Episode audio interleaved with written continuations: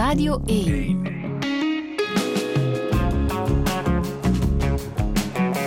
Douche. Met Friede Lesage. En met Said Batarai, goedemorgen. Goedemorgen, Frederik. Hoe gaat het? Goed, mag niet klagen. Ik was even aan het twijfelen hoe ik jou nu precies moest aankondigen. Als IT-expert of als IT-architect of als IT-consultant. Daar zijn zoveel namen voor. Wat, ik, ik denk dat het eigenlijk niet veel uitmaakt, omdat um, zelfs als ik het uitleg aan, aan de meeste mensen, dat ze toch niet weten waarover het gaat, dat het eigenlijk niet veel uitmaakt. Dus... Nochtans, eh, jouw job, um, de wereld kan niet meer zonder, hè? IT-specialisten. Ja, dat klopt, ja, ja. inderdaad. Dus we kunnen maar beter proberen te begrijpen wat je precies doet.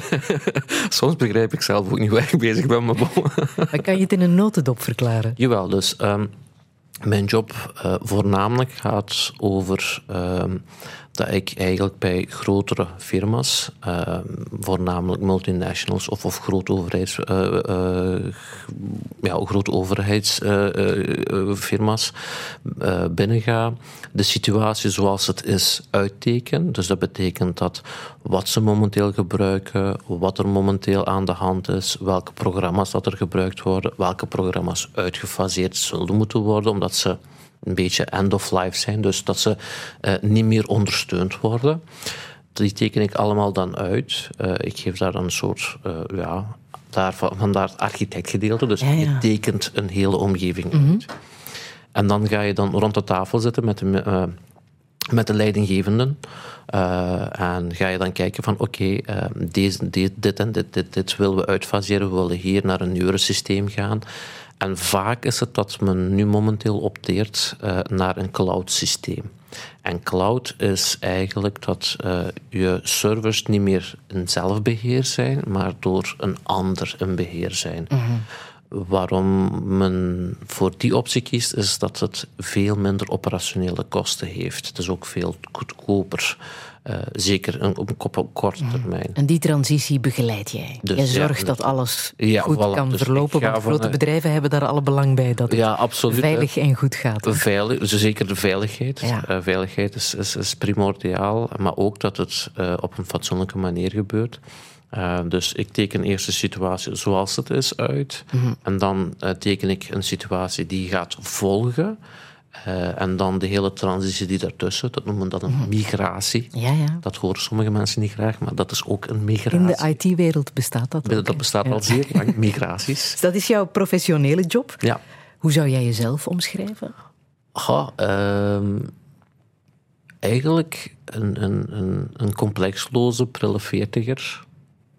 Voornamelijk vader, vriend, uh, die eigenlijk kei normaal vindt, maar op een of andere manier soms toch vaak in, in het vizier terechtkomt. Of, of niet vizier, maar die toch soms in, in de spotlights komt, omdat hem blijkbaar iets te zeggen heeft die ik zelf eigenlijk niet zo goed begrijp. Want wat je zegt, een, een doodnormale, complexloze, prille veertiger, dat klinkt zeer eenvoudig.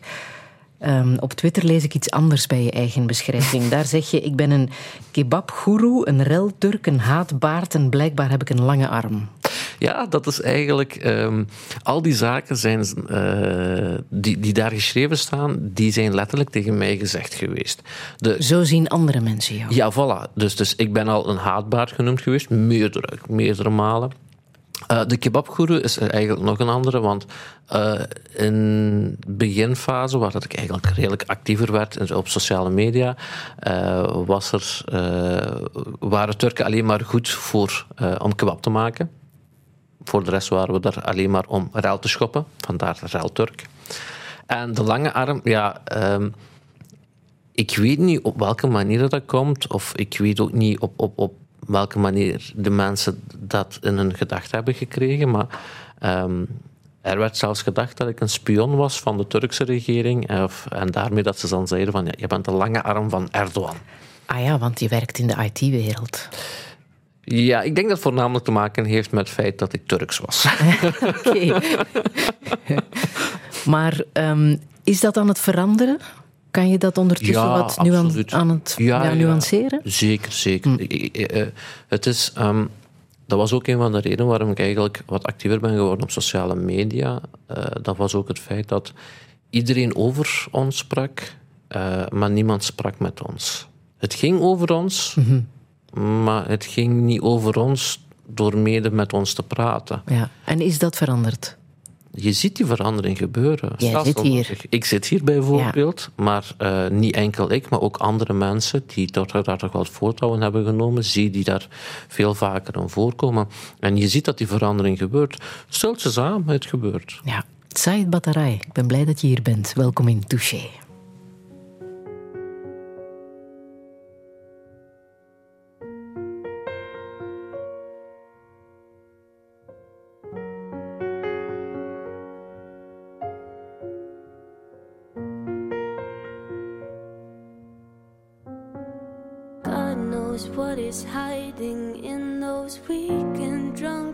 Hearts. Guess you kissed the girls who made them cry, those hard faced queens of misadventure.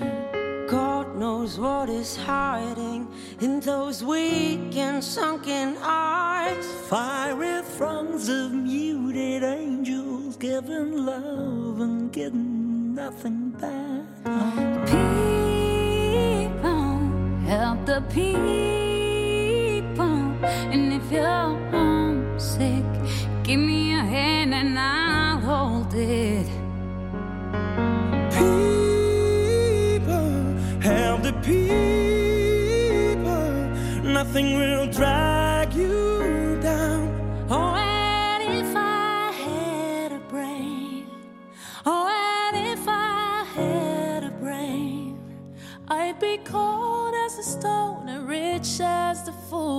that all those good hearts away. God knows what is hiding in this world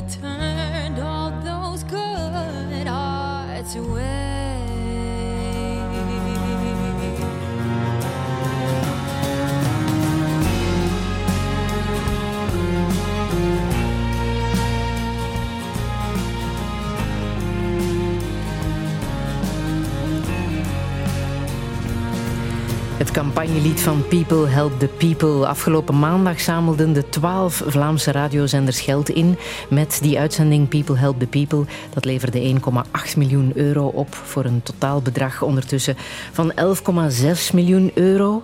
En uh, storten, dat kan nog altijd, hè, Said Bataray, op uh, het rekeningnummer 19...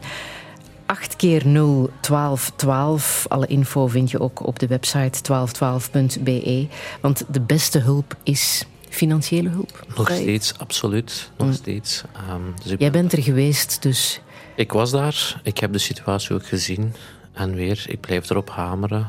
Um, ik ben iedereen dankbaar die uh, zijn zolder, zijn kelder heeft leeggehaald, spullen heeft uh, doorgestuurd en dergelijke. Uh, maar je ziet het daar ook, ze hebben daar geen behoefte aan. Ze hebben daar echt behoefte aan onderdak, warmte en vooral uh, elementaire sanitaire behoeften. Uh, en dat kan alleen maar door financiële steun eigenlijk. Mm -hmm. De logistiek moet je er ook bij rekenen, want al die spullen moeten daar dat was, geraken. Hè? Dat was ja. daar een chaos. Mm -hmm. dus mensen vertrekken vanuit hier uh, zonder uh, te weten naar waar dat ze eigenlijk precies moeten. Eén keer daar aangekomen, gaan ze ofwel naar het epicentrum. Nu, uh, een van die epicentrums was Elbistan, Kahramanmaraş Elbistan. Eh, ik ben daar ook geweest. Uh, nu, Elbistan is niet zo'n grote stad. Telde maar 140.000 maar 140.000 mensen. Maar dat is nu vervallen in een soort spookstad. Er is echt bijna niemand meer te zien, behalve hulporganisaties, agenten en het leger. Dus al die vrachtwagens die komen dan daar aan. Maar ze hebben daar maar vier verdeelcentra, vier opslagplaatsen. En ze zag dan eigenlijk een lange rij met vrachtwagens de stad proberen binnen te komen. Maar ze kunnen daar niet binnen, omdat het gewoon daar vol is. Dus we hebben daar echt bijna een volledige dag echt constant zitten te bellen en te doen van ja, waar moeten die vrachtwagens heen, hoe, op welke manier hebben jullie daar hulp nodig, hebben jullie daar hulp nodig. Um, dus weer, um, logistiek is het bijna niet te doen. Uh, stuur geen spullen, stuur vooral financiële steun. Ja. Waarom wou jij daar naartoe? Dat is eigenlijk een beetje raar, want uh, ik was sowieso al van plan om naar Turkije te gaan. Dus mijn ticket was al gereserveerd, al van twee maanden geleden al. Omdat je een paar keer per jaar naar Turkije gaat? Of? Ja, voilà. Ik heb zo van die uh, rare gewoontes om naar Turkije te gaan. Alles maar om te eten. Uh, Is het waar? Ik ja. heb een zeer uh, rare dieetbehoefte. dat ik, eigenlijk is dat niet zo raar voor, voor moslims, want ik moet, vlees moet halal gesneden zijn. En je vindt hier niet altijd alles halal. Dus dan ga ik naar Turkije en heb ik dan zo eens een week een eetvakantie, noem het wel. Ja. Dan ga ik uh, drie keer per dag buiten iets eten. Mm -hmm. um, en dat was eigenlijk, uh, mijn ouders waren, waren ook nog daar. Dus dat was ook eigenlijk om hun te zien. Dat was ook al een tijdje geleden. Want waar zijn zij van afkomstig? Dus mijn vader is afkomstig uit Eilaze. Dat is ook een van de rampgebieden, maar zij wonen in Bingöl. Dat is even verderop. En ze wonen daar op dit moment? Ze woonden daar op dit moment, uh, want ik heb ze nu eigenlijk meegenomen. Maar uh, het rare van het verhaal is dat eigenlijk de initiële aardbeving werd verwacht op een Bingöl, omdat dat juist tussen twee breuklijnen bevindt. En iedereen dacht van, de eerstvolgende aardbeving die gaat daar komen. Dus uiteindelijk is dat op die andere breuklijn terechtgekomen. Dat is heel die breuklijn van Kahramanmaraş, Hatay, uh, Antep. En uh, dat is een breuklijn die eigenlijk geen activiteit heeft getoond sinds 1500, sinds de 16e eeuw eigenlijk. En de reden dat ik dan eigenlijk zo vlug ook naar daar ben gegaan, was gewoon puur stom toeval dat ik mijn ticket al klaar had staan. Mm. Er zijn nog mensen die na mij nog proberen zijn te gaan, maar dat was gewoon chaos. Dat ging niet. Ook de eerste dagen was sowieso niet mogelijk om naar daarheen te gaan, omdat de wegen die waren onbereidbaar. Uh, heel veel verschuivingen, ook door de, aardkorst was op bepaalde, uh, bepaalde plaatsen was die tot drie meter tot zeven meter verschoven. En um, dus het was ook niet mogelijk uh, om te landen op die, op die luchthavens, want die waren ja. niet meer beschikbaar. Dus je moest ofwel landen 500 kilometer verder, ofwel 200 kilometer verder. Dan moest je met de auto. Maar ja, de eerste dagen waren die ook niet bereikbaar. Mm -hmm. Je ouders zijn nu veilig hier? Ze zijn nu veilig hier. Ja. En jouw familie? Want je hebt daar ook nog familie. Hè? Zeker aan moederskant ja. heb ik daar nog veel familie. Um, en uh, mijn neven, nichten, uh, tantes, ooms, uh, die zitten daar nog. Een van, maar zijn in veiligheid? Ze zijn in veiligheid, een relatieve veiligheid. Ze hebben natuurlijk nog altijd schrik van wat er gaat kunnen komen. Um, zij woonden gelukkig verder van het rampengebied. Maar als je gaat kijken naar uh, de vernieling, de mensen die alles kwijt zijn, de mensen die hun leven kwijt zijn, is dat maar een schrale troost eigenlijk. Mm -hmm.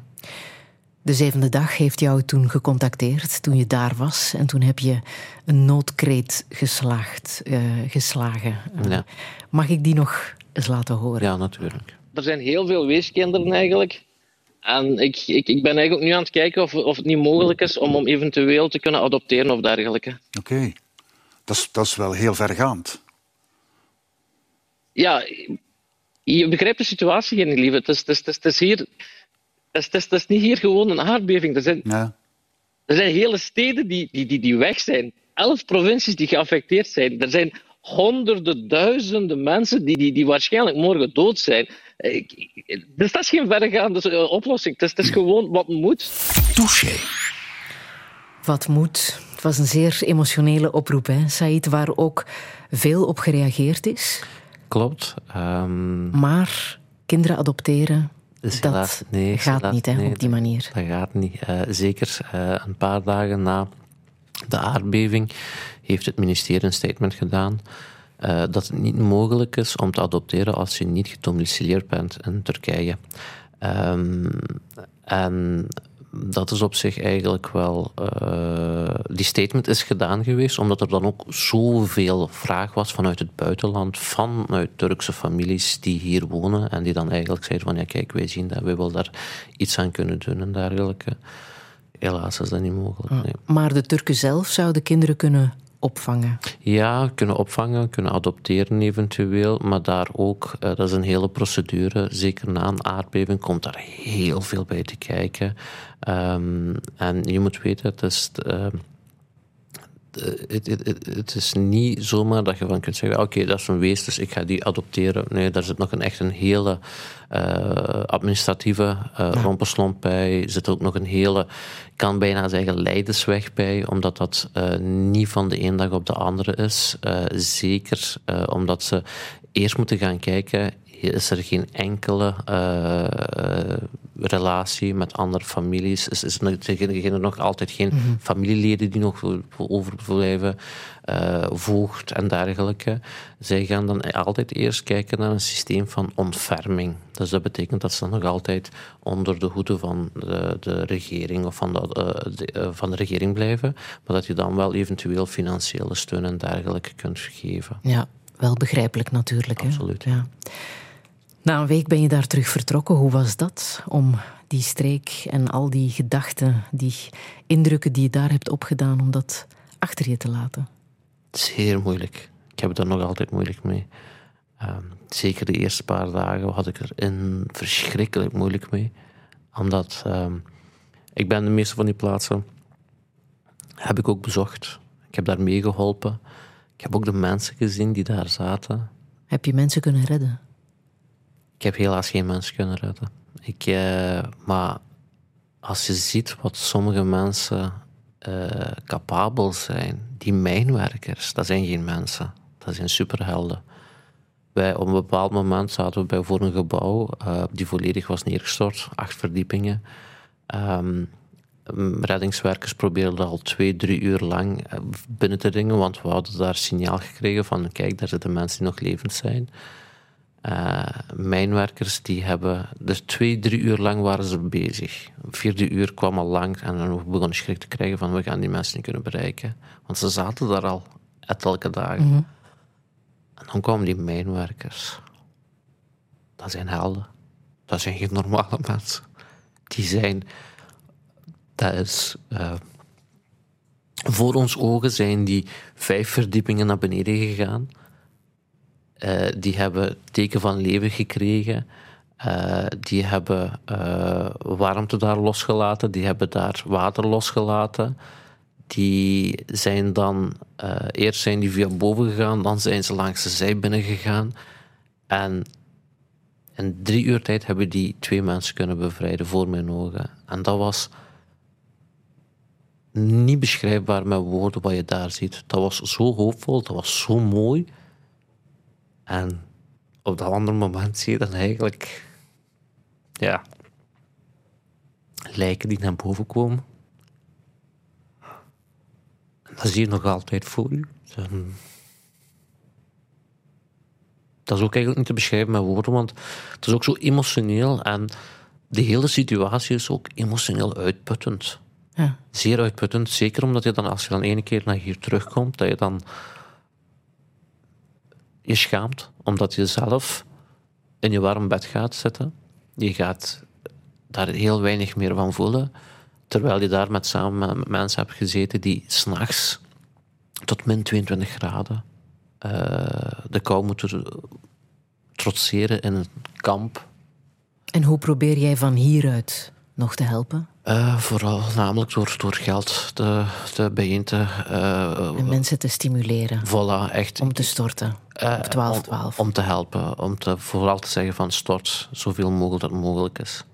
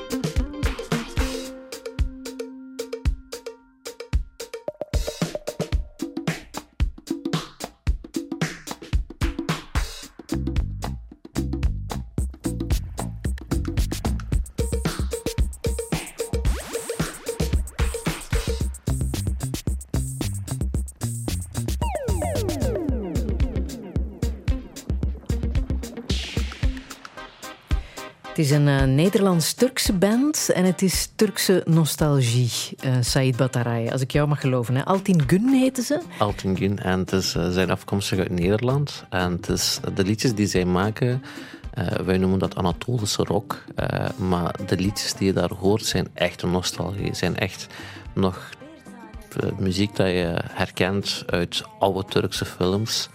Die dan gestopt zijn in een hedendaags jasje. Maar nog altijd u die 80s feeling Ja, geven. ja. Een beetje wat Like Me nu doet. Eigenlijk Met wel, ja. Daar komt een beetje muziek. Vlaamse muziek Ja, ja, ja. uit, ja. Ehm, jouw ouders zijn eh, geboren in Turkije. Ja. Jouw vader is van Koerdische afkomst. Ja, en eh, dus eh, mijn vader die komt uit een klein agrarisch dorpje in Ela- Elaze, Karakocan. Ehm, En jouw moeder? en mijn moeder die komt uit Bingöl, ook zelfde uit een klein agrarisch dorpje. Ja. En En hoe is jouw vader hier terechtgekomen?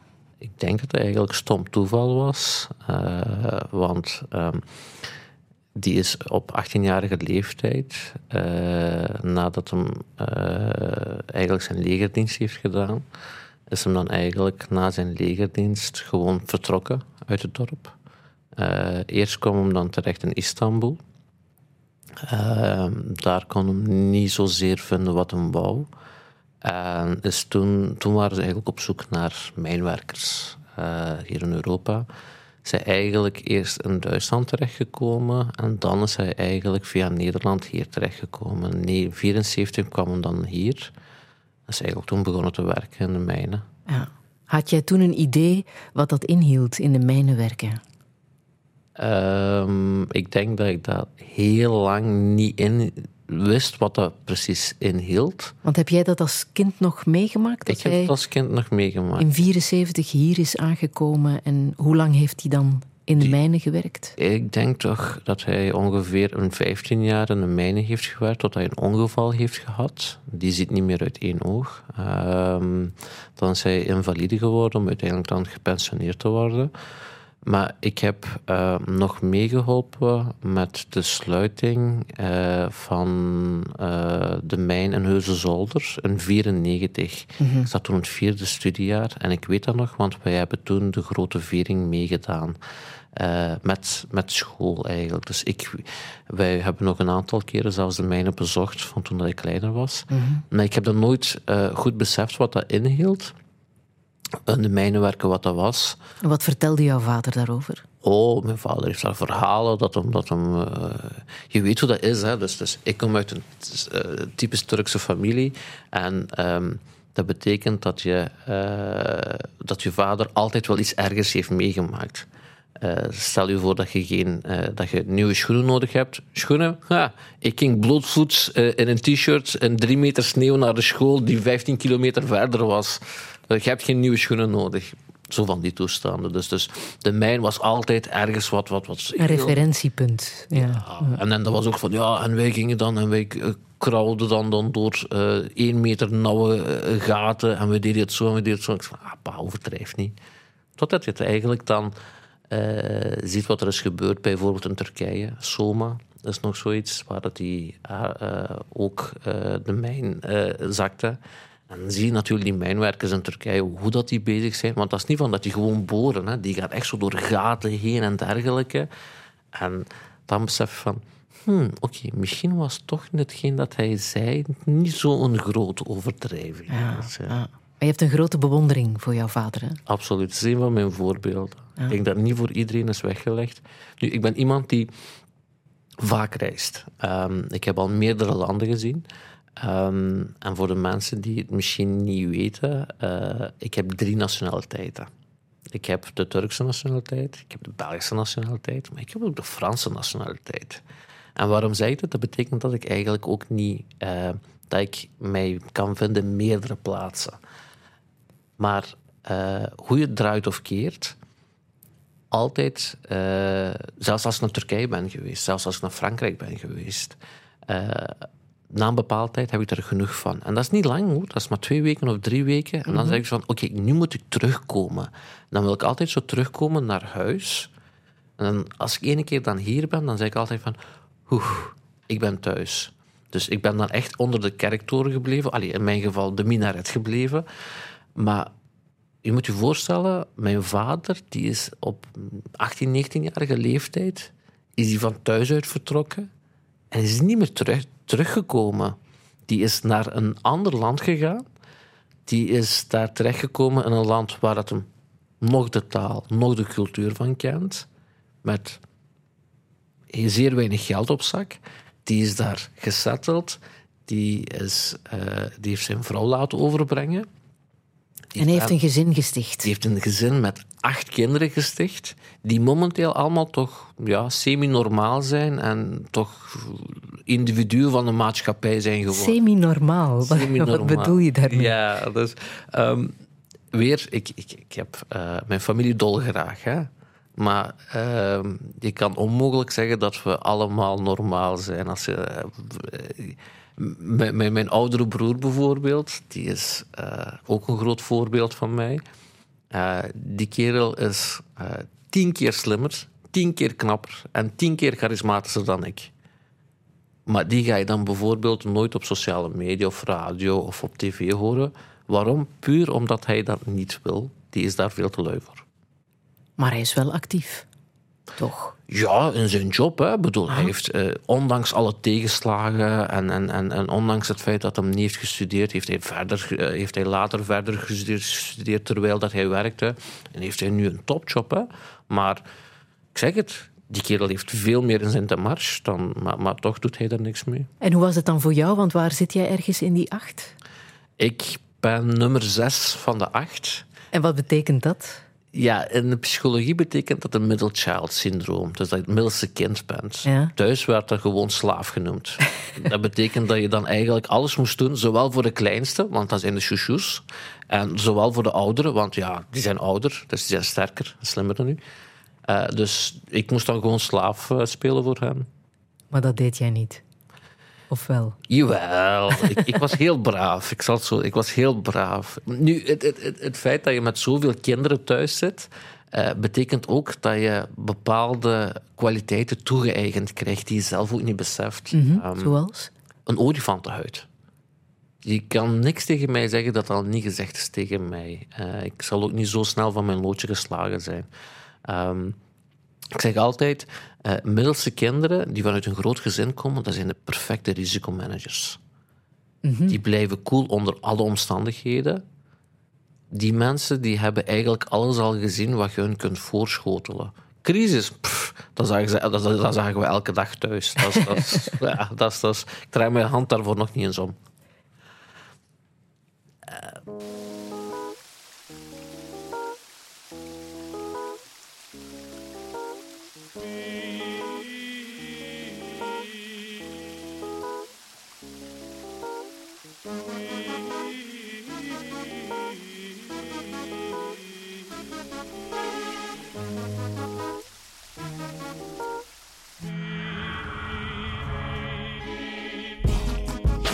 sun,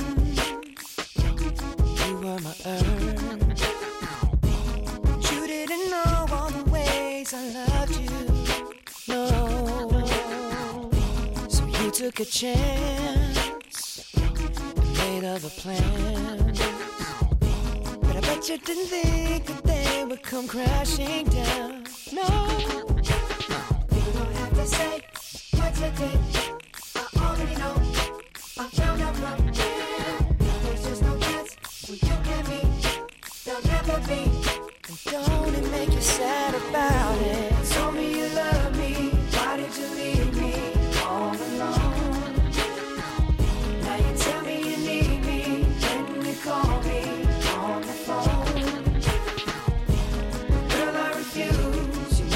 Confused with some other guy. The bridges go burn.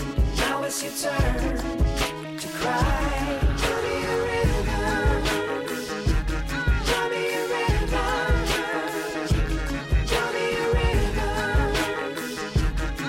me a. Yeah, yeah. I know that they say that some things are better left unsaid. But it wasn't like you talk to him and you know it. Don't act like you don't know it. And all of these things people told me keep messing with my head. Should've picked honesty, then you may not have thought it. Don't have to say, don't have to say what you did. I already know. I already know. I found out from him. Uh. Now there's just no chance. No chance. You and me. There'll never be. And don't it make you sad about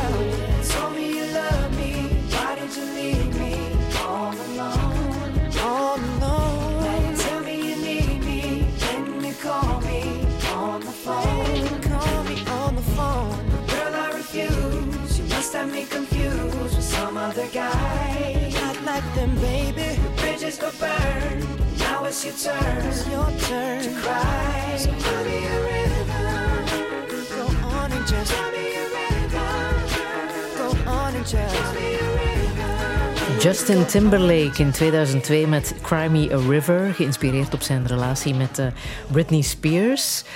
Ehm Said Batarai, waarom wou je dit laten horen?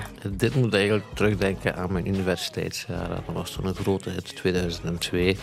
En eh, dat was die hele heisa, of, of die hele eh, polemiek met, met Britney Spears en dergelijke. En daar, daar keek jij naar. Dat was eigenlijk volgde zo, jij. Ja, dat was niet echt zo volgen, maar dat was zo van, ja... eh, eh, Justin Timberlake kende je eigenlijk voornamelijk van, van NSYNC. En dan, dan is hij eigenlijk, dat waren zo van die kindsterren, nu waren dat dingen. En die is dan nu met Timbaland samengegaan. En je zag dat hij meer de, de, de, de rap en de R&B scene in ging. En dat nummer was zo goed, was zo goed, dat ik zoiets heb van... Ik, ik vind nog altijd, Justin Timberlake nog altijd een hele goede, echt een hele goede artiest. En dit, die Cry Me River was echt zo zijn keerpunt van... van nu ben ik een echte ster. Was jij een goede student? Goh, eh, ik ben altijd een hele lui student geweest. Ehm, het probleem is dat als je een lui student bent, dat je eh, zaken vlug opneemt. Ik was altijd iemand die meteen weg was met iets, maar daardoor ook eigenlijk weinig leerde. En Want wat studeerde je? ja, dat is dus. Ik ben iemand die, die, die, die weinig studeert, die meteen iets voornam. En als je dan iets wat aandachtig was in de klas, dan dan eigenlijk meteen ermee weg was. En ik ben dan eigenlijk op de universiteit rechten gaan studeren. Eh, waarom? Omdat ik, eh, zoals ik al zei, ik kom van een familie van acht. Waarvan de eerste was die ging studeren. Dus ik had eigenlijk maar twee keuzes. Zeker als je van een Turkse familie komt. Ah ja? En dat was dan ofwel advocaat ofwel dokter. Dat zijn de keuzes die je hebt. Dat, zijn de, dat waren de keuzes die ik had. maar het is geen van beide geworden. Eh, nee, omdat ik, eh, ik heb eh, recht nog een kans gegeven en ik draag recht nog altijd een warm hart toe. Ik vind dat nog altijd het einde, maar het is niks voor mij, omdat dat... ehm, en mijn excuses aan alle advocaten en professorsrechten die ik ken, eh, maar het is nog altijd papegaaienwerk. En ik ben daar niet echt heel goed in. Eigenlijk eh, wel, maar ik heb daar niet geduld voor, omdat ik daar eigenlijk redelijk creatief in ben. Je hebt uiteindelijk gekozen voor IT. Van waar die interesse dan voor technologie en eh, IT?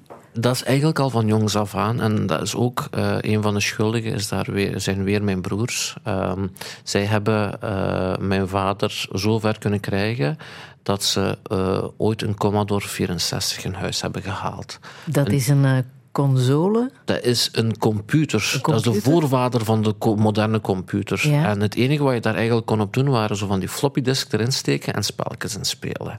Voor de rest diende Ja. dat eigenlijk puur om te programmeren en dergelijke. Mhm. Maar mijn eh, broers waren dan eigenlijk zo geniepig dat ze dan mijn vader hadden overhaald van ja, we hebben dat nodig voor, het, voor school en dergelijke. Uiteindelijk was het gewoon puur om spelletjes te spelen. En sinds die tijd, ik was toen eigenlijk een jaar of acht of negen. En sinds die tijd was ik eigenlijk altijd al aan de band van technologie, computers en dergelijke. Ben jij verslaafd?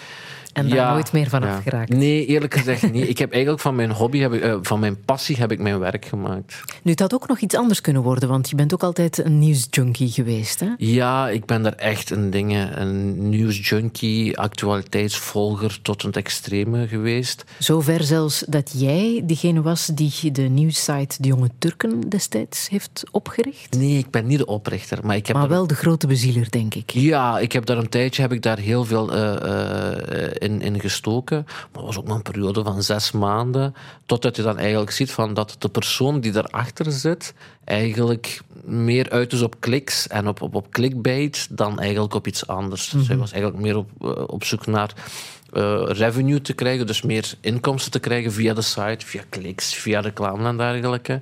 Dan eigenlijk goed betrouwbaar iets, iets bij, bij te brengen. Wat jij wel wou. Je Ja, wou ik, ik, ik wou eigenlijk meer ehm, positief nieuws en ik wou eigenlijk meer eh, genuanceerd nieuws brengen, zeker als het over Turkije ging. Eh, maar het probleem was dat dat niet iedereen zijn doel was. En dan had ik zoiets van, ja, kijk, als jullie eh, uit, op zoek naar de ri- riooljournalistiek, dan ben ik daar niet voor te eerlijk. Dus ben je het gaan zoeken in de politiek, want daar heb je ook heel even geprobeerd. Ja, je was zelfs lijsttrekker in 2019 van DSA, het Democratisch Solidair Appel, een partij die in stille dood is gestorven. Ja, je kan het eigenlijk zo wel noemen. Ehm, het is eigenlijk ook zo gegaan eh, dat eh, dat is een kleine partij die eigenlijk initieel is opgekomen in Antwerpen, die eerst de gemeenteraadsverkiezingen heeft gedaan. Dan wou ze eigenlijk uitbreiden. Eh, maar ik was toen ook goede vrienden met de oprichter en met de, eh, met, met de voorzitter, Khalid El Jafoufi. Ehm, nog altijd een goede vriend van mij.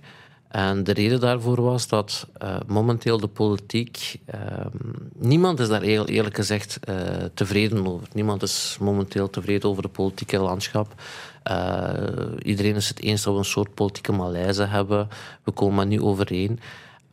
Maar waarom is het niet gelukt, denk je? Wel, ik denk dat Was het moeilijk om met een nieuwe partij voor de dag te komen? Is, is dat moeilijk? Ik, ik denk dat het sowieso eh, zeer moeilijk is met een nieuwe beginnende partij eh, in, in het Belgische politieke landschap te beginnen. Eén, eh, omdat je zit met een kiesdrempel. Twee, ehm, de Belgen in het algemeen, zeker de Vlamingen, heeft het zeer moeilijk met verandering.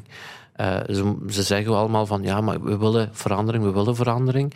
Uh, maar als puntje bij paaltje komt, dan blijven ze toch bij de gevestigde waarden. Dat zie ik ook in mijn werk eigenlijk. Van als we van één programma, dat ze vertrouwd zijn, dat ze van binnen en van buiten kennen, maar die bijna dood is, dan zeggen ze van, ja nee, ik blijf toch liever bij het aan. Dan zeg van, ja, maar dat is, daar wordt niet meer ondersteund, dat werkt niet meer, dat is niet meer goed. Dan zeg je van, ja, maar ik, dat programma, dat ken ik niet. Dat weet ik niet. Aha. En je moet ook vertrouwen kunnen. Ja, in België hebben we nog altijd iets van ongekend is onbemind. Mm -hmm, mm -hmm. Ja. Je was een blanco-stemmer voor je in de politiek probeerde. Ja. Wat ben jij nu? Nog altijd een blanco stemmer. Of terug een blanco-stemmer? Absoluut. Um, en de reden daarvoor is eigenlijk heel simpel. Um, wij leven in een democratie. Eigenlijk is het een particratie. Je, de stem die je geeft is op de partij zelf. En het is de partij die beslist wie daar aan de macht komt, wie minister wordt, wie minister van wat wordt. En uh, als je daar een verkozen van bent, als je een volksvertegenwoordiger bent en je hebt je uh, kleuren verbonden aan een bepaalde partij, dan heb je niet enkel je kleuren verbonden, maar heb je ook eigenlijk je ziel verbonden aan partij. Want je mocht niet buiten de uh, lijnen kleuren. Je moet binnen de lijnen van de partij blijven. Wat op zich eigenlijk oké is, maar in een particratie dan moet je het niet een democratie noemen, dan is het een particratie. Maar die blanco stem, ja, die gaat nergens naartoe. Hè? Dat klopt, maar dat is ook een signaal dat je geeft. Mm -hmm. ik heb een dat signaal dat opgepikt wordt? Um, ik zie dat toch de laatste jaren meer en meer terugkomen. Dat het blanco-signaal eigenlijk wel opgepikt wordt. Ook omwille van dat die stem verloren gaat. Uh, het is niet meer zozeer dat mensen... Uh, mensen beseffen nu van oké, okay, het gaat niet naar de partij die de meeste stemmen heeft gehaald. Mm. Nee, nee, het gaat echt verloren. Die wordt niet meegeteld. En dat en, mag niet genegeerd worden. Voilà. Je, je ziet dat na een bepaalde percentage, na een bepaald aantal, dat uh, de partijen zelf er ook niet meer omheen kunnen. Die zeggen van oké, okay, ja... wij hebben dan eigenlijk, wij moeten, die mensen moeten wij aantrekken, die mensen moeten wij iets meer doen, mee kunnen doen.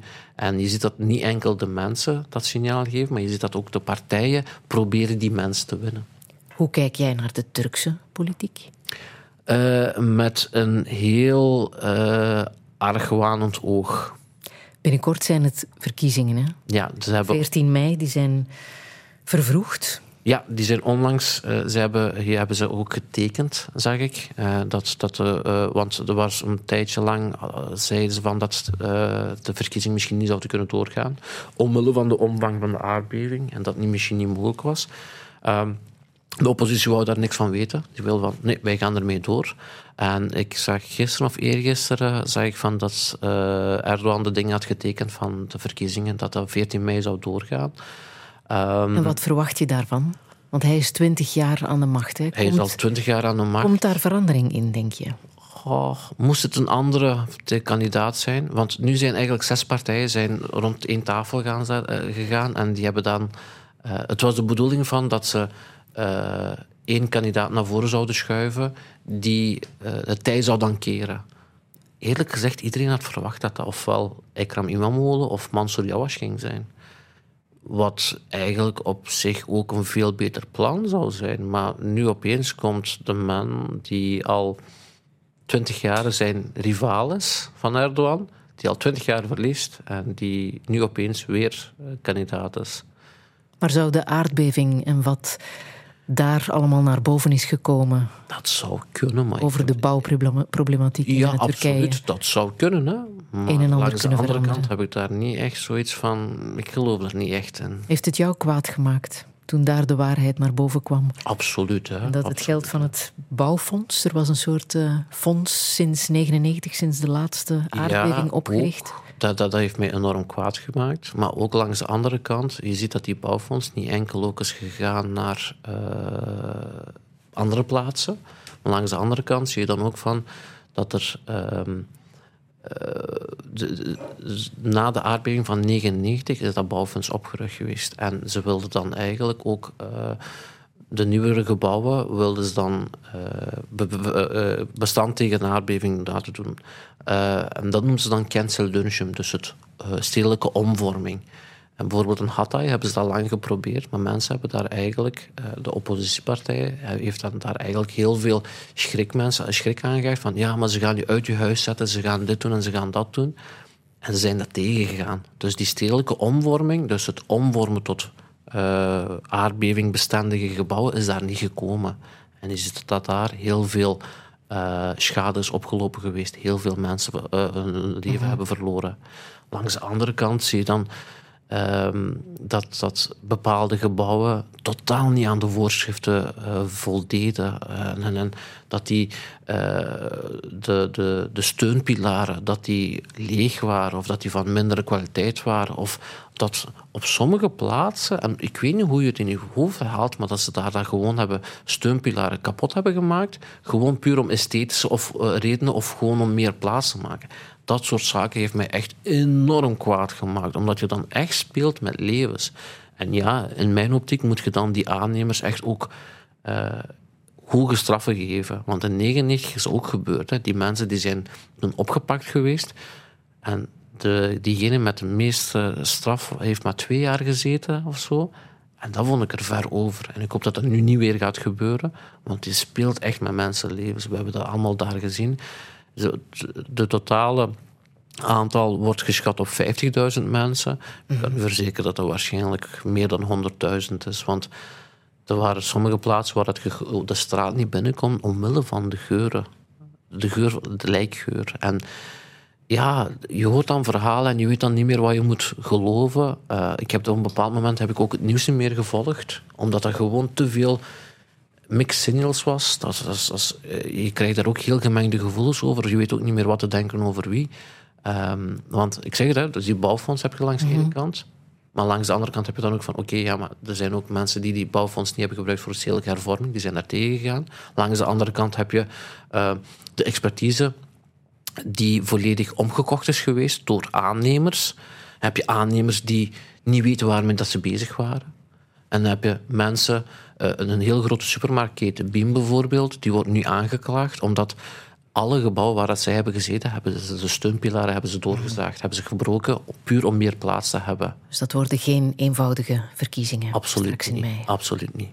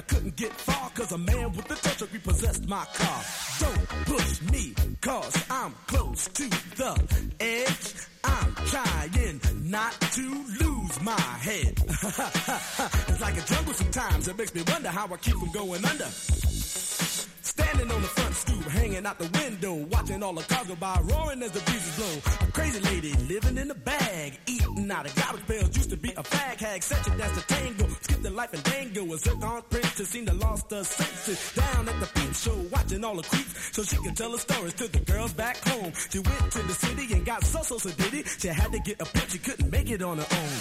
Don't push me, cause I'm close to the edge. I'm trying not to lose my head. it's like a jungle sometimes, it makes me wonder how I keep from going under. It's like a jungle sometimes, it makes me wonder how I keep from going under. My brother's doing bad, stole my mother's TV. Says she watches too much, it's just not healthy. All my children in the daytime, Dallas at night. Can't even see the game or the Sugar Ray fight. The bill collectors, they ring my phone and scare my wife when I'm not home. Got a bum education, double digit inflation. Can't take the train to the job, there's a strike at the station. Me on King Kong, standing on my back, can't stop to turn around. Broke my sacroiliac, a mid-range migraine, cancer membrane. Sometimes I think I'm going insane. I swear I might hijack a plane. Don't push me, call I'm close to the edge. I'm trying not to lose my head. Grandmaster Flash and the Furious Five and The Message. Said Batarai, kan jij deze tekst meezeggen?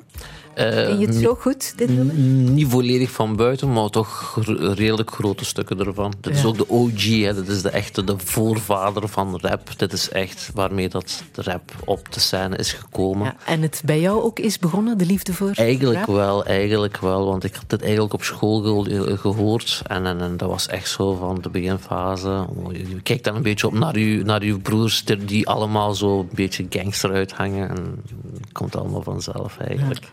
Je bent een grote ehm, serie- en filmfreak, hè? Ja, absoluut. Ja, absoluut. Waar kijk je graag naar? Eh, eigenlijk alles van Hollywood. Eh, ik, er is waarschijnlijk geen enkele Amerikaanse serie dat ik nog niet heb gezien. Maar ik heb daar ook nog een grote voorliefde voor Bollywood. Bollywood. En ook eh, K-drama, Koreaanse eh, series. Van waar? Die passie? Ehm, ik ben altijd al ehm, een beetje zot geweest op anime. Dat is een Japanse eh, animatieserie. En van het een kwam het andere. En dan zag je dan op Netflix ook de Koreaanse drama's terechtkomen. Eigenlijk is die fascinatie begonnen nadat ik zag dat The Good Doctor, dat is een serie in Amerika, eh, dat die eigenlijk gebaseerd was op een Koreaanse serie. En dan ben ik eigenlijk daar verder in dieper gegaan. En dan kom je eigenlijk in een soort rabbit hole dat, dat, dat eigenlijk dieper en dieper dieper gaat, totdat je eigenlijk beseft dat eigenlijk die Koreaanse drama's eigenlijk veel verder zijn dan, dan de Amerikaanse. Niet qua techniek, niet qua CGI of dergelijke, maar qua verhaal dat die echt enorm goed zijn. En je ziet dat nu ook bijvoorbeeld Netflix, die heel veel Koreaanse drama dan ook erbij brengt. Eh, Ben je daar ooit geweest, Korea? ja, ik ben, Ja? Daar, ik ben daar eigenlijk vorig jaar nog geweest. En ehm, het was eigenlijk wel een beetje een teleurstelling. Hoezo? Omdat eh, je verwacht daar eigenlijk zo een volledig ander land. Maar dan kom je eigenlijk in een soort eh, kopie van eh, Amerika terecht. maar met de Aziatische instelling. Dus heel schoon, heel gedisciplineerd. eh, alles is daar zoals het moet zijn. Maar alles sluit daar bijvoorbeeld om tien uur. Die mensen. Wij hebben zo'n beetje de instelling van dat wij werken om te leven. Die mensen die werken, die leven om te werken. Dat is echt een bepaalde instelling dat, dat ze daar hebben. Eh, die gaan naar het werk en dan komen die terug, dan drinken die wat en dan gaan die slapen. En dat, zou niks voor jou zijn. Nee, totaal niet. totaal niet. Oh, Zeker ook om- omwille van het feit dat ik niet drink. Dus eh, ja. Voilà. Ja, maar je reist wel veel, hè? ik, ik probeer toch veel te reizen. Ik probeer ook veel te zien. Ik probeer ook veel landen te zien. Omdat het ook eh, een van mijn passies is eh, om zoveel mogelijk binnen te krijgen van andere landen. En wat wil je dan zien of wat wil je dan meemaken als je, als je reist? Ga je op zoek naar kunst, naar, naar Ga, eh, ik, ik, ik denk dat wij daar in, Europa eigenlijk een beetje. ehm, eh, ja, eh, hoe kan ik het zeggen? Dat wij daar eigenlijk verwend zijn. Want wij hebben eigenlijk, zeker met de Renaissance, hebben wij daar de grootste artiesten gekend. Ehm, een van de mooiste beeldhouwwerken die ik heb gezien was de Pieta Michelangelo. Dat is iets onvoorstelbaars. Zeker als je dat hebt gezien. in de Sint-Pieters-basiliek Basiliek in in Rome, Rome. hè, staat die. Oh. Ja. Als je daar de details van ziet, dat is in, in, in marmer gehouwen. Hè. Dat is dus, je ziet daar de draperingen van, van, van, van, van de sluier. En je ziet daar de, de, de, de indrukken van de hand die die been vasthoudt. Verschrikkelijk. En hij was 25, hè? Maar 25 moet je je voorstellen. Maar 25. En dat je zoiets hebt kunnen doen, dat is ongelooflijk. Said, ik heb nog heel even filmmuziek uit de klassieker Shawshank Redemption. Film uit 1994 met Tim Robbins in de hoofdrol. En Morgan Freeman. Waar hij een eh, bankier speelt die zogezegd zijn vrouw en haar minnaar zou hebben vermoord. Voor jou een eh, topfilm? Voor mij mijn favoriete film. Dat Kan je blijft- zeggen waarom? Ehm, de eerste keer dat ik het zag, ik had het boek niet gelezen. Een boek van Stephen King, hè? Ja, absoluut. En ik had het boek nog niet gelezen, maar ik en die film en ik was toen weggeblazen.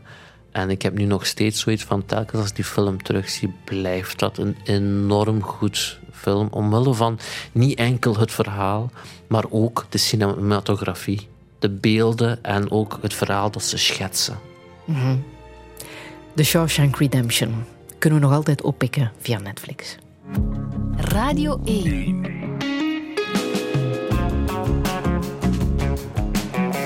Douche. Met Friede Lesage. En met IT-expert Said Bataray, nog voor de campagne People Help the People, ging hij eigenhandig helpen na de aardbeving in Turkije. Ook al heeft hij een olifantshuid, de ellende in het geboorteland van zijn ouders kwam keihard binnen. Hoe moet het verder? Zal deze crisis ook voor een politieke aardverschuiving zorgen in Turkije? Hoe ziet hij de toekomst van de digitale wereld? En wat als zijn goede vriend Stijn de Pape er nog was geweest? Dit is Touché met Said Bataray. Een zeer goede middag. All my troubles seem so far away. Now it looks as though they're here to stay. Oh, I believe in yesterday. Suddenly, I'm not half the man I used to be. There's a shadow hanging over me.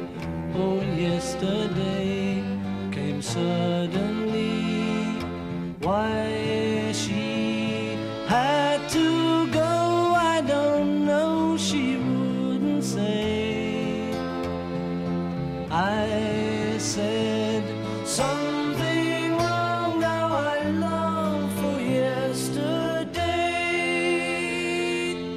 Yesterday.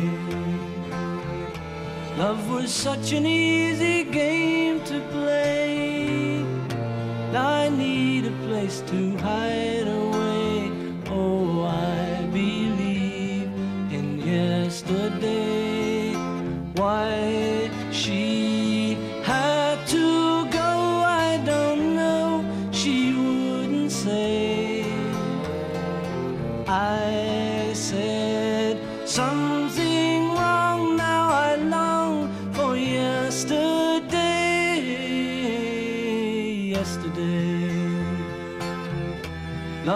such an easy game to play.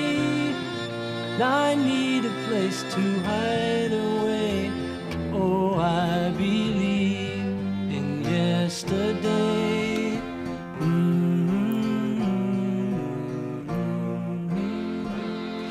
Yesterday van de Beatles. Said Bataray, waarom wou je dit laten horen? Ehm, het is een beetje melancholisch. Hè? Dus ook eh, van... eh, vroeger was altijd alles beter. dus een beetje ook van, ja... Maar was dat wel zo? Ik weet niet, misschien toch wel. We leven nu in een soort wereld dat eh, eh, snelheid alles is. Eh, alles verandert zo snel.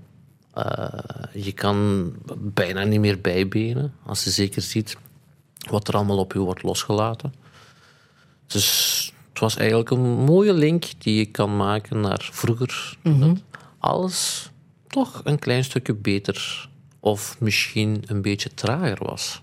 Jij bent acti- eh, IT-expert. Ja, dan hebben we het echt wel over de, over de toekomst. Hè. Dat is een job die ehm, heel erg nodig is. Heb jij nog de tijd zonder computer, zonder internet Ik bewust kent- meegemaakt? Ja, ik- ik denk het wel. Eh, ik ben van 82. Ja. Ehm, ik heb ook de tijd meegemaakt toen dat de PC zijn eerste intrede in de living deed. Waar dat elk huishouden een, eh, zijn eerste Pentium, om het zo te zeggen, eh, thuis kreeg. Maar het is pas begonnen met internet. Toen dat we allemaal internet thuis begonnen te krijgen. Dan is het heel... Dan is er veel veranderd. Ja, dan is het heel snel gegaan. En hoe zie jij dat, ehm, die evolutie in de digitale wereld? Gaat dat de goede richting uit? Zeg altijd, ehm, je moet technologie... Technologie is niet de boeman. Technologie is maar een hulpmiddel. Uh, een beetje zoals... Ja, het is de schuld van de gsm. Het is de schuld van uh, de pc. Het is de schuld van tv. Uh, vroeger had je tv. Je mocht niet zoveel tv kijken, want dat was niet goed voor de ogen. En daarna is het... Je mocht niet zoveel op dat scherm kijken. Je mag niet zoveel op de pc zijn. Daarna was het... Je mag niet meer op je gsm zo vaak kijken, want dat is niet goed voor je ogen. Dat is niet goed voor dit, dat is niet goed voor dat. er is altijd wel iets dat je de schuld kan geven. Maar uiteindelijk start het en eindigt het bij jou. Als je het gebruikt als een hulpmiddel, is het een fantastisch hulpmiddel. Zolang je er maar niet in overdrijft. Mhm. Zoals bij alles moet je het in beperkte mate gebruiken en ook ten voordele. Niet zozeer van je, je mag er niet te afhankelijk van worden. Anders word je er eigenlijk toch een beetje zelf een slaaf van. ChatGPT bijvoorbeeld. Oeh, ja. Waar zoveel om te doen is. Die chatbot met uh, kunstmatige intelligentie. Wordt dat wat? Of is dat nu een soort hype? Gaat dat tijdelijk zijn? Of hoe, ik, ik, denk dat kijk we, daarnaar? Ik denk dat we de tijd van wordt het wat al voorbij zijn. Het is wat. Het is wat. Het is wat. We zullen ermee moeten leren omgaan. Nee, sowieso niet. Want als je gaat kijken, Microsoft heeft er onlangs in enorm geïnvesteerd en heeft het zelfs quasi opgekocht. Dus hij integreert het nu met Bing, hun eigen zoekmachine, mhm. die voorheen een beetje de spot van de IT-wereld was. Want niemand ging bingen, iedereen ging googlen. Ja. Nu, je kan niet meer om, om ChatGPT heen, omdat het zo een referentiepunt is geworden. Maar het is niet zo angstaanjagend als, het, als sommige kranten of sommige sites toch beweren. Het is en blijft een AI, een artificiële intelligentie, die jou antwoorden geeft in plaats van sites zoals Google. Dus als je daar iets gaat opzoeken, dan krijg je daar meteen ook een antwoord op. Nu, zoals bij heel veel zaken, kunnen sommige van die antwoorden ook fout zijn. Omdat die gebaseerd zijn, één, ChatGPT is gebaseerd op data tot 2021. Is daar waar het soms fout loopt? Voilà, mhm. omdat die niet altijd mee is met de meest recente trends, evoluties, technologieën. Langs de andere kant is die ook niet verbonden met het internet. Dus die kan ook niet meteen iets gaan opzoeken. Dus met dynamische elementen, dus in een veld waar dat heel dynamisch is, waar dat veel verandering is, is ChatGPT niet altijd het referentiepunt. Maar in andere gevallen, zoals uh, in een statusveld, zoals taal, want ChatGPT zegt het zelf, ik ben een, ontwikkeld voor de taal. Mhm. Eh, ik ben een taaltool. Uh, en je ziet dat ook, dat in Amerika hebben ze daar zelfs een test laten doen, waar dat hij de bar of legal, dus, dus dat hij zijn uh, rechtexamen heeft afgelegd en dat hij met gans, dat hij met kleur heeft gepasseerd. Dan zie je dat dat soort toestanden daar wel succes hebben. Waarom? Omdat dat status is. Dat verandert niet zoveel. Dus als dat nu in 2021, tot 2021 is, dan maakt dat niet zoveel uit. Maar in mijn veld bijvoorbeeld, in, in technologie, in, in IT, eh, het verschil met twee jaar kan eigenlijk al heel veel zijn. Dus dat, dat, Daar is het niet zo bruikbaar. Het is wel bruikbaar, begrijp mij niet verkeerd. Het geeft je zeker eh, nieuwe ideeën. Het geeft je zeker een, een, een soort leidraad waar dat je naartoe kunt gaan. Ehm, als ik bepaalde dingen moet uittekenen of als ik een bepaald project moet maken en ik moet daar een voorstelling, een diavoorstelling, een PowerPoint-slides van maken. Daar kan het mij helpen om punten te geven die ik vergeten was, eventueel. Mhm. Het gaat daar meer over inhoud. Maar technologisch om mijn job nu over te nemen, dan vrees ik toch dat we daar toch een enkele jaren te vroeg mee zijn. Mhm. Sociale media. Mm. Heeft ehm, de wereld ook grondig veranderd? Ten goede of ten kwade? Said, wat denk jij? Goh, um, langs één kant vind ik sociale media het einde. Het feit dat je zoveel mensen op één platform hebt uh, die zo een grote verrijking kunnen zijn voor je leven, vind ik absoluut geweldig. Maar zijn ze echt zo sociaal? Langs de andere kant, ja, dat is het. Langs de andere kant heb je het feit dat sociale media misschien toch niet echt heel sociaal is. Want je hebt daar ook heel veel. Um, ik, ik, ik vergelijk het vaak met cocooning. We zien dat uh, de dag van vandaag ook in het verkeer. Iedereen is een slechte chauffeur, behalve jij. Uh, er zijn talloze, er zijn talrijke studies die doorgeven dat mensen, uh, als ze aan het rijden zijn, omwille van de constructie waarin dat ze zitten, dus omwille van de metalen constructie waarin dat ze zitten,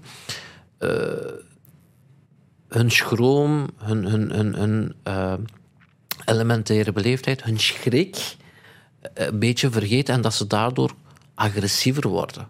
Dat, dat is hoe mensen zich gedragen op sociale media. En dat is exact hoe dat mensen zich ook gedragen op sociale mm -hmm. media. Niet mm -hmm. enkel een verkeer. Um, van zodra dat er een scherm voor u is, maakt niet uit of dat een computerscherm of een gsm-scherm is, is het precies alsof dat er alle schroom, alle elementaire, beleef, elementaire beleefdheid verdwijnt.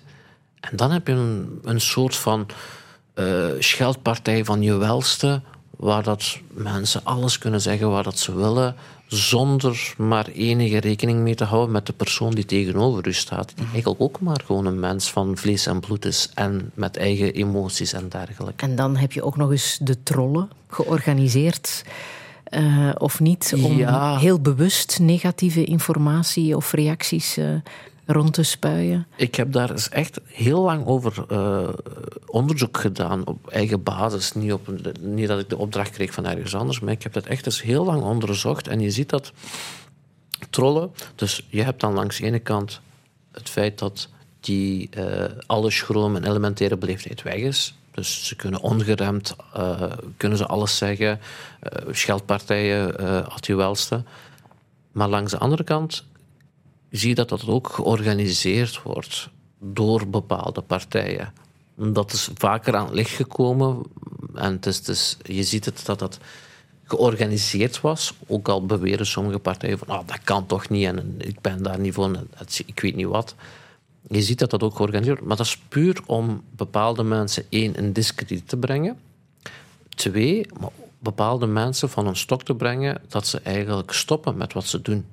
Dat ze eigenlijk een soort afkeer krijgen van wat ze doen, of dat ze eh, niet meer op sociale media willen komen, puur aan omwille van dat. Dat is eigenlijk een beetje het doel van trollen, mensen vanuit sociale media weg te krijgen of mensen niet meer uh, laten spreken over een bepaald onderwerp. Wat doe je het best tegen trollen? Als je er zelf last van hebt? Nu, ik heb een heel lange tijd heb ik geprobeerd om met mensen te praten. Met mensen te overtuigen. Je hebt er zelf ook last van gehad? Ik heb er heel veel last van. Ik heb tot nu toe nog altijd er last van. Um, en ik heb altijd geprobeerd om mensen te overtuigen met de reden, met logica. Totdat ik, totdat ik tot het besef kwam van, nou ja, dit werkt niet. Je kan moeilijk mensen op sociale media overtuigen in een paar zinnen.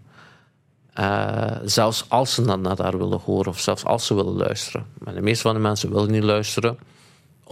Weer omwille van die cocooning. Want ze zitten achter een scherm, dus alles valt weg. Hetgeen wat jij zegt valt een dovermans oren. Dus nu blokkeer ik. Ik blokkeer sneller dan mijn schaduw. Ja, en dat werkt? Dat werkt. Voor jou? Voor mij wel. Want ze komen niet meer binnen. Ja, ze komen niet meer binnen. Ik zie het niet meer. Andere mensen zien het dan wel. Ja, oké, okay, dan heb ik zoiets van pech voor hun, want ik wil niks meer met u te maken hebben. Ik denk altijd van, zou ik met zo'n persoon samen op café kunnen zitten en daarmee spreken? Ah. Moesten we nu voor elkaar staan, op café zijn, zou die persoon mij zo kunnen uh, koeineren mm. en zou ik daarmee ingaan? Nee, dus dan doe ik dat hier ook niet. En dat heeft niks te maken met vrijheid van meningsuiting. Dat heeft niks te maken met uh, de andermans vrijheid in te perken. Het is nog steeds mijn tijd die ik vrijmaak voor een ander. iedereen heeft momenteel zijn eigen agenda. Iedereen heeft een hele drukke agenda. Iedereen heeft zijn familie, zijn andere zaken. Je maakt speciaal tijd vrij om op sociale media te gaan ten koste van je eigen agenda.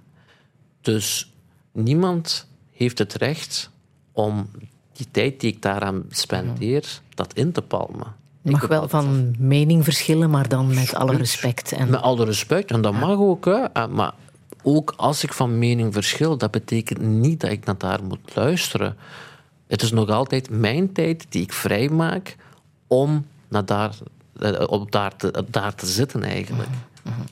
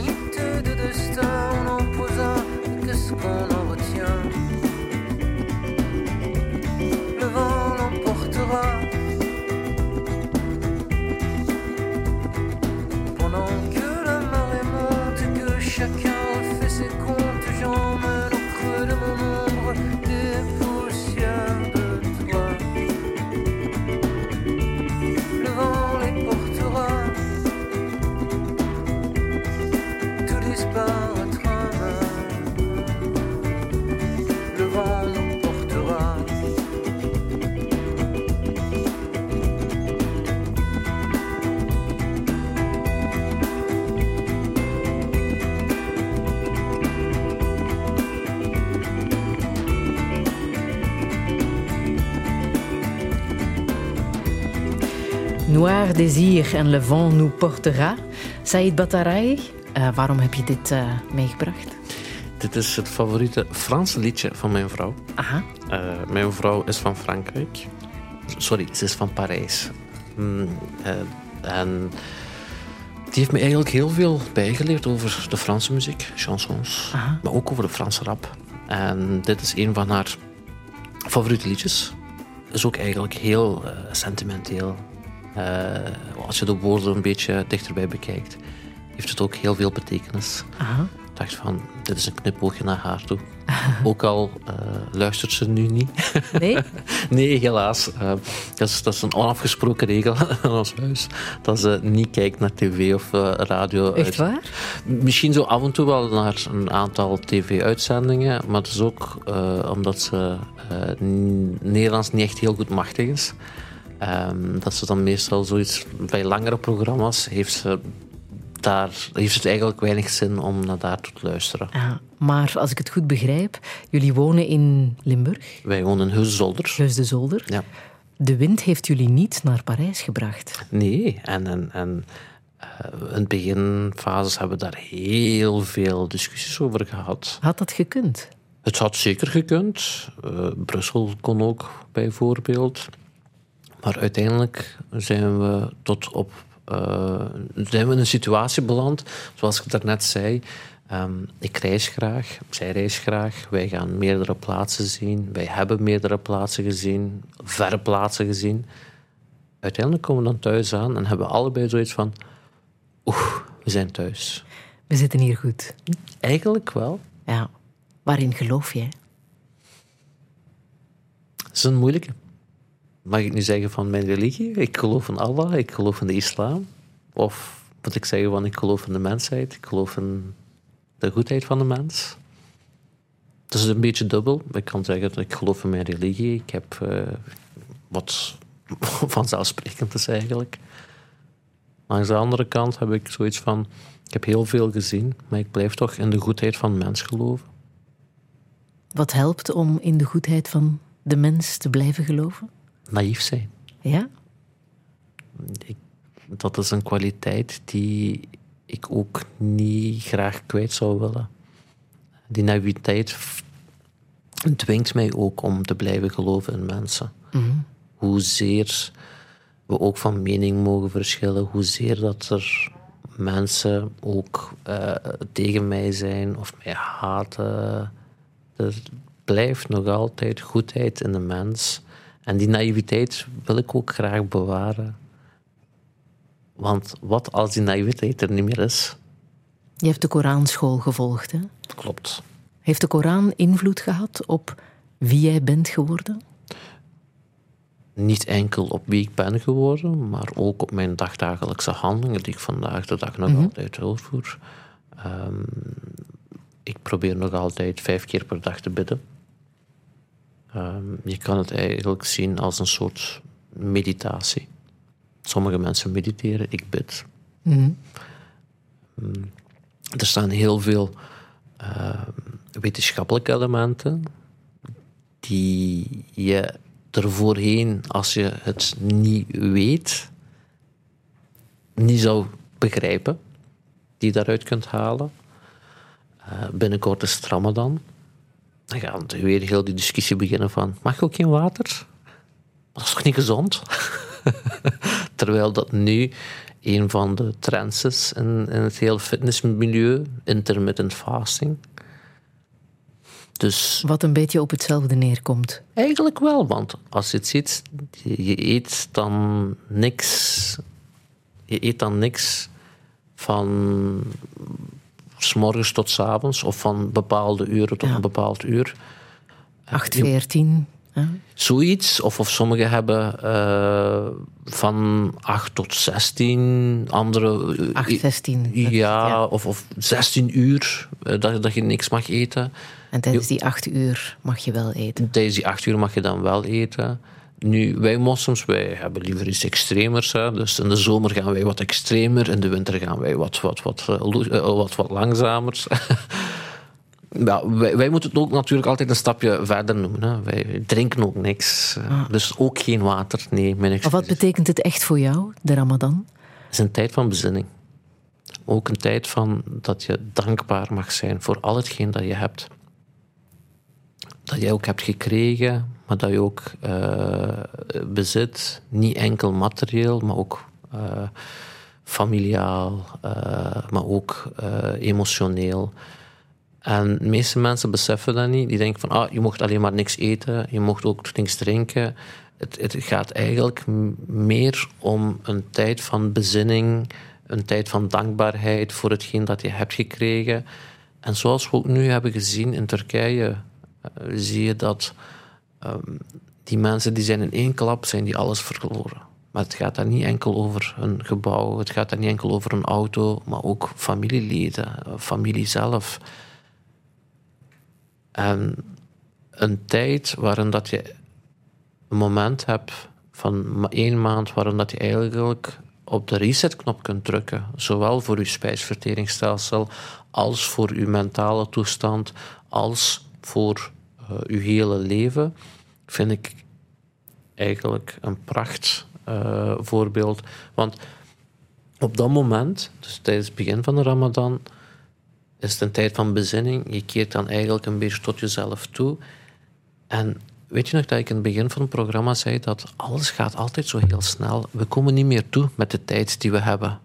Uh, eh, 24 uur is niet meer voldoende op een, voor een dag.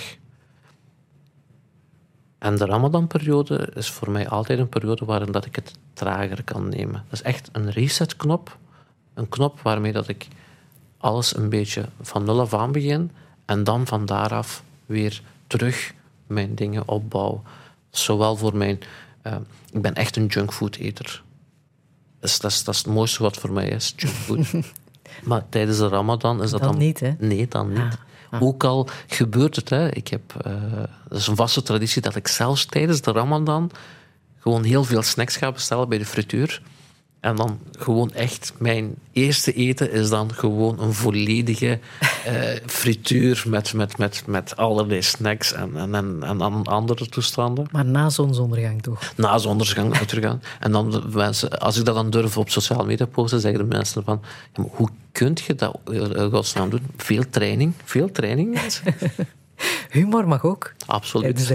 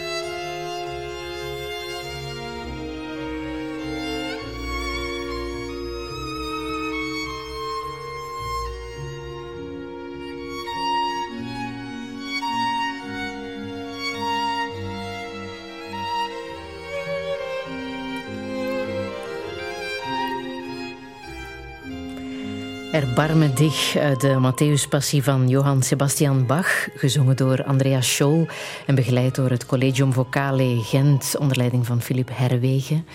Said Batarai, ik denk dat ik weet waarom je dit wil laten horen. Absoluut. Ik denk dat het komt waarschijnlijk een heel klein beetje door Stijn. Ja, een ode aan jouw goede vriend, Stijn de Pape. Aan mijn beste vriend, Stijn de Pape. Mm. Het was onlangs een jaar geleden hè, dat hij is gestorven, op 22 februari vorig jaar. Klopt. Ja, hoe heb je dat herdacht? Mm, dat was een heel moeilijk moment. Ehm, we hebben toen met ehm, een aantal andere mensen hebben wij eh, een klein eh, beetje eh, ruimte gekregen in de morgen. Het was een huiskrant waar het hij de huisdichter was. Ja, waar hij zijn dagversen waar, schreef, elke dag. ja, waar ondertussen 1500 dagversen ongeveer zijn. Daar hebben wij dan een klein stukje mogen schrijven. Ehm, de mensen die daar hebben geschreven uh, zijn ook de mensen waar we samen een WhatsApp-groepje mee hebben.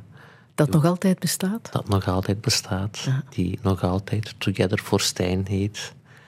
Dat was initieel opgezet om toen uh, Stijn een, uh, schouder op de klop te, een klopje op de schouder te geven, een, een steun achter de rug te geven. die uiteindelijk dan waar dat hij zelf ook eventjes bij kwam, om ons dan allemaal viswijven te noemen. Want wat deelden jullie daar op uh, die WhatsApp-groep? In, in het, initieel was het gewoon een Twitter-groepje, waar dat we uh, vaak. Uh, initieel begon het omdat we iets wilden doen voor Stijn. Dus we deelden daar mensen die we nog zouden kunnen contacteren, die uh, Stijn graag had, die eventueel iets konden schrijven. Want wij wouden een soort klein krantje, een erekrantje voor Stijn schrijven. Dat is daarna geëvolueerd naar de actualiteit, uh, hoe, dat, uh, hoe dat met Stijn ging, um, andere zaken. En dan is Stijn erbij gekomen. En dan ging het puur om de actualiteit, boeken, gedichten, et cetera. En hij noemde ons dan vaak viswijven, omdat het ook soms over eender wat ging.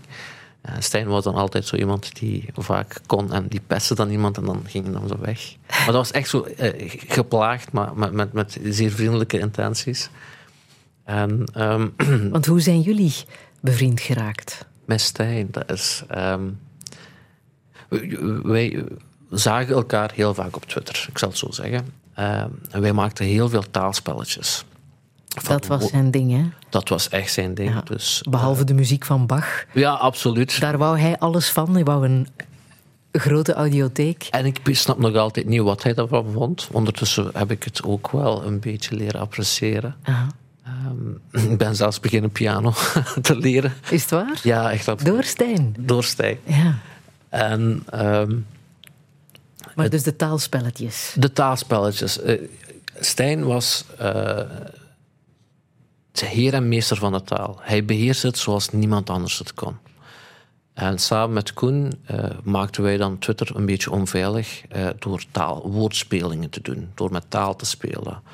Uh, alliteraties, woordspelingen, etc. Maar wij hadden elkaar nooit in het echt gezien. Uiteindelijk zijn we dan door die woordspelletjes in een soort Twittergroepje beland. We spraken dan met elkaar, we maakten dan grappen met elkaar. Uiteindelijk zijn we dan eens samengekomen. Eerst was dat uh, Tijn, uh, Stijn speelde ook toneel. En hij is, uh, we zijn dan samen met Koen zijn we dan naar een toneelvoorstelling van hem geweest. En dat was onze eerste echte ontmoeting. En het klikte? Vanaf dat moment waren we eigenlijk drie handen op één buik. Koen, Stijn en ik. Wat heeft hij jou over jezelf geleerd? dat ik veel te sociaal ben. Ja? Hij noemde mij altijd veel te sociaal. Uh, een van zijn mooiste uh, verwijzingen daar naartoe was Ik zou je gewoon in het vriesvak van de frigo kunnen zetten. En na een uur zou je eigenlijk daar zelfs daarmee vriendschap hebben afgesloten. een mooie omschrijving. Mooi, zeer mooie omschrijving. Ja. Stijn was wel zo. Stijn kon het, kon het goed uitleggen, kon het goed zeggen. Ja. Daarmee, heer en meester van de taal. Het was in een dagvers hè, dat hij bekend heeft gemaakt wat er echt met hem aan de hand was. Het uh, dagvers Ga weg. Ja, eigenlijk was het geen dagvers. Uh, eigenlijk uh, was het... Hij had zelf een gedicht geschreven, Ga mhm. weg. Hij had het ook aan ons doorgestuurd. Je had dat vooraf al gelezen? Ik had het vooraf al gelezen. En hoe kwam dat bij jou binnen? Zwaar. Zeer zwaar. Wist je toen al van iets? Ja, we wisten toen ook al dat hij kanker had. Uh, we wisten ook van dat het niet meer ging? We wisten ook dat het niet meer goed ging komen. Um, maar um, we wisten niet hoe zwaar het ook bij hem zat. We beseften het misschien ook niet goed hoe zwaar het bij hem binnenkwam. Wij hadden altijd uh, het beeld van iemand die ijzersterk was, die, die alles aankon, die speelde met taal, die uh, iedereen met de grond gelijk kon maken aan de hand van uh, vier, vier regels. Je beseft niet hoe kwetsbaar dat die kan zijn als zoiets binnenkomt en nog altijd zo onbaatzuchtig niet aan zichzelf denkt, maar eerder aan zijn vrouw en kinderen. Vier weken voor hij is gestorven was hij nog de gast in uh, Touché. En toen heb ik hem gevraagd om dat bewuste gedicht nog eens voor te lezen. Dat heeft hij gedaan. Zullen we daar nog eens naar luisteren? Ja, doen we. Ga weg. Ik had gedacht de honderd net te halen, rollatorloos en in gestrekte draf. Ik wou nog een miljoen gedichten af, musea wachten en theaterzalen. Ik wilde nog oneindig vele malen verwijlen waar ik mij het liefst begaf. Ik fietste fluitend tussen wieg en graf, de voeten geen moment op de pedalen. Helaas, daar is ineens de eindigheid, die plotsklaps als een niets ontziende tanker de gevel sloopt, de kamer binnenrijdt. Het leven gaat genadeloos voor anker, gehoorzaam aan de grillen van de tijd. Ga weg, gezwinde grijzaard, met je kanker. Ga weg. Voorgelezen door Stijn zelf op muziek van Chopin, want dat was een andere lievelingscomponist van hem. Hoe is het om zijn stem terug te horen? Vreemd. Uh, emotioneel. Um, ik krijg daar de tranen van in de ogen. En dat is ook een van de redenen waarom dat ik eigenlijk jou en het programma Touché eigenlijk zo'n warm hart toedraag. Het heeft mij een van de mooiste herinneringen aan Stijn gegeven. Um, iemand die je kwijtraakt, het eerste wat je gaat uh, niet meer herinnert, is zijn stem. Maar dankzij uh, Touché heb ik de stem van Stijn zoals hij was. Niet terwijl hij een gedicht aan het voorgedragen was. Want hij heeft wel een aantal andere voortreden of optredens waarin dat je zijn stem kan horen, maar dat gaat meer over het domein waarin dat hij werkte. Nee, in Touché was hij gewoon Stijn. Die sprak over alles en nog. En dat is een van de mooiste herinneringen die mhm. ik van mijn beste vriend heb. En ik ben jullie daar eeuwig dankbaar voor. Hij sprak heel rationeel hè, over zijn kanker. Het was een zeldzame vorm van dunne darmkanker. Hij kon daar heel nuchter over praten. Ja, heel rationeel, heel nuchter, uh, maar ook heel uh, normaal. Mm Alsof het de normaalste zaak van de wereld was. Um, voor hem ging het niet over de oneerlijkheid van de situatie. Um, was ook secundair, want eerst moesten zijn vrouw en zijn kinderen voorrang krijgen. Wat, met hun, wat ging er met hun gebeuren? Uh, zijn pijn maakte niet uit. Hij was er. Hij was er niet enkel heel nuchter over, maar hij was er ook heel onbaatzuchtig over. Het moest niet over hem gaan, het moest over andere zaken gaan. Ben jij al vaak geconfronteerd geweest met mensen in jouw omgeving die kanker kregen? Helaas wel. Ik denk dat kanker een beetje de ziekte van de eeuw is. Ik denk dat we allemaal wel iemand kennen die kanker heeft gehad. Uh, ik zelf heb daar een aantal familieleden verloren. Ik heb Mhm. twee, een nichtje verloren, ongeveer op tienjarige leeftijd. Een neef verloren op 16-jarige leeftijd. Ehm, mijn schoonzus eh, is in 2017 overleden, ook aan darmkanker. Dat was ook een van, de, eh, een van de zaken die we vaak met Stijn bespraken. Echt zo heel rationeel en heel logisch en heel wetenschappelijk, omdat ik daar ook zoveel van afwist. Ja, ben jij thuis in het traject dat kankerpatiënten moeten afleggen? Eh, weer, helaas wel. Mhm. Ik weet wat dat inhoudt, ook omwille van de zaken die ik heb gezien. Het is, het, is, het is geen makkelijke weg die ze mogen volgen. Het is ook een heel moeilijke leidersweg die ze volgen. Maar dat weten helpt als je een vriend hebt die dat moet meemaken. Dat helpt wel een beetje om te beseffen wat gaat komen. Stel dat het jou zou overkomen, hoe zou jij daarmee omgaan? Ik weet niet of ik het zo mooi zou kunnen dragen als Stijn. Zo onbaatzuchtig. Zo aanvaardend. Ik heb altijd een soort rebels karakter gehad. Ik zou vechten, maar ik zou niet weten hoe. Mhm. Ik zou het uitschreeuwen, maar ik zou niet weten tegen wie. Stijn draagt het op zo'n mooie manier dat je daar alleen maar respect voor kunt hebben. Ain't no sunshine when she's gone. It's not warm when she's away. Ain't no sunshine when she's gone, and she's always gone too long. Anytime she goes away. Wonder this time where she's gone. Wonder if she's gonna stay. Ain't no sunshine when she's gone, and this house just ain't no home anytime she goes away. And I know, I know, I know, I know, I know, I know know, I know, I know, I know, I know, I know, I know, I know, I know, I know, I know, I know, I know, I know, I know, I know, I know, I know, I know. Hey, I ought to leave the young thing alone, but ain't no sunshine when she's gone. Ain't no sunshine when she's gone.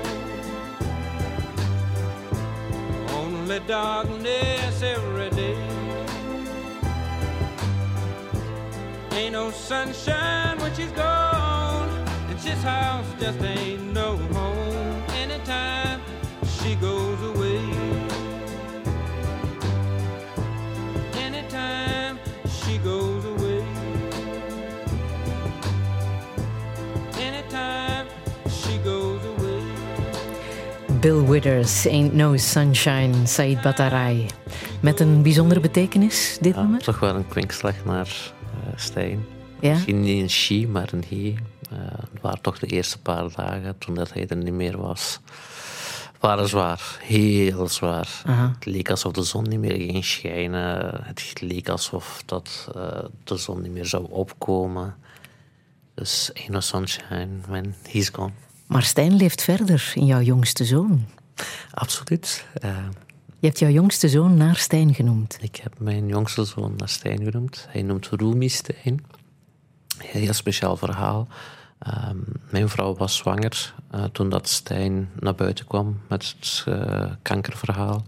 Hij ging heel uh, snel de hele, heel slecht de toer op. En we waren toen eens aan het spreken.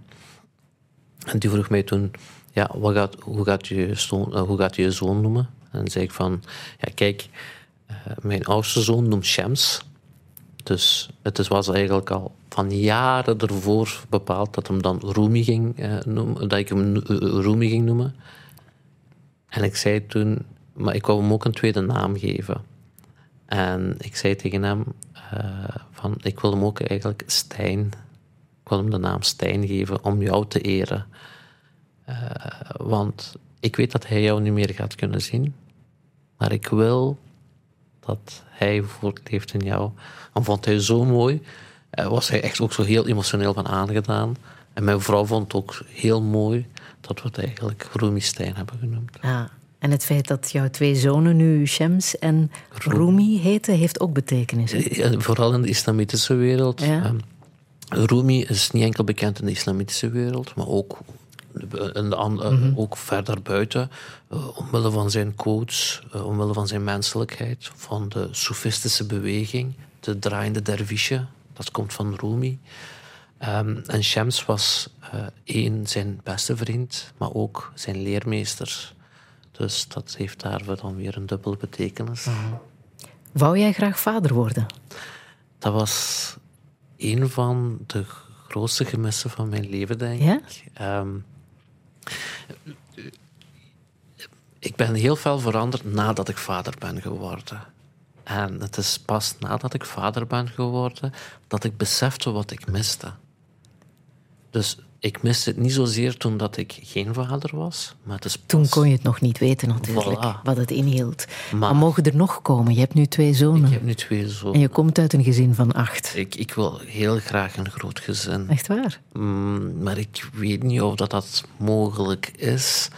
Eh, ook omwille van het feit dat ik 40 ben. Ik voel mij oud. Het is misschien niet zo oud, maar ik voel mij oud. Zeker met de kleine, met Stijn. Die enorm vermoeiend kan zijn. En dan ben ik meestal tegen de avond geradbraakt.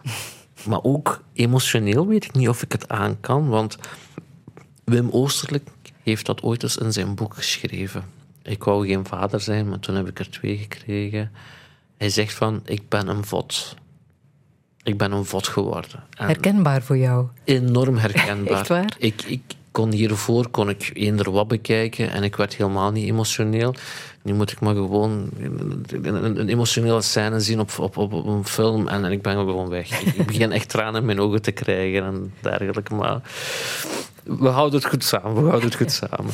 Welke boodschap wil je hier nog meegeven tot slot, Said? Ehm, Ik ben er net vergeten te zeggen, ehm, maar eh, toen dat Stijn eh, gediagnosticeerd werd met darmkanker, eh, kwamen te weten dat het eigenlijk ervoor ook al kon eh, gezien worden. Dus mijn boodschap aan iedereen is: maakt niet uit hoe, hoe, hoe, eh, kleinzierig het ook kan zijn, hoe, hoe, minimaal het ook kan zijn. Als je een kwaaltje hebt, laat het testen, bekijk het, test jezelf uit. We hebben een van de beste sociale zorgstelsels ter wereld. Maak er ook gebruik van. Ehm, hoe vlug kanker gediagnosticeerd kan worden, hoe vlugger ze daar ook iets mee kunnen doen, betekent ook hoe hoger de kans is dat het kan genezen worden.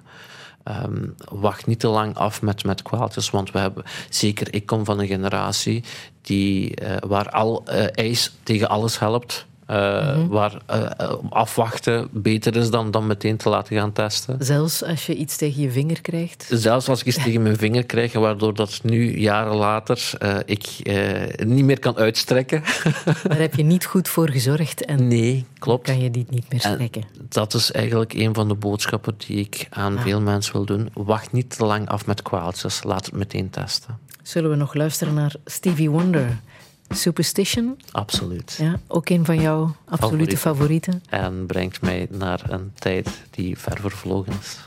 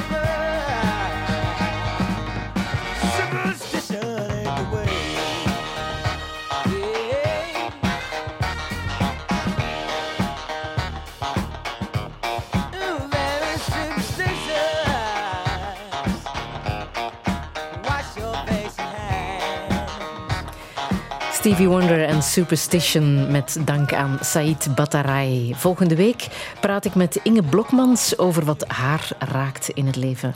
Dat is voor volgende zondag. Nog een heel fijn weekend. Dankjewel, Friedel. Fijn weekend. Heb je iets gemist? Je kan Touché herbeluisteren in de app van VRT Max.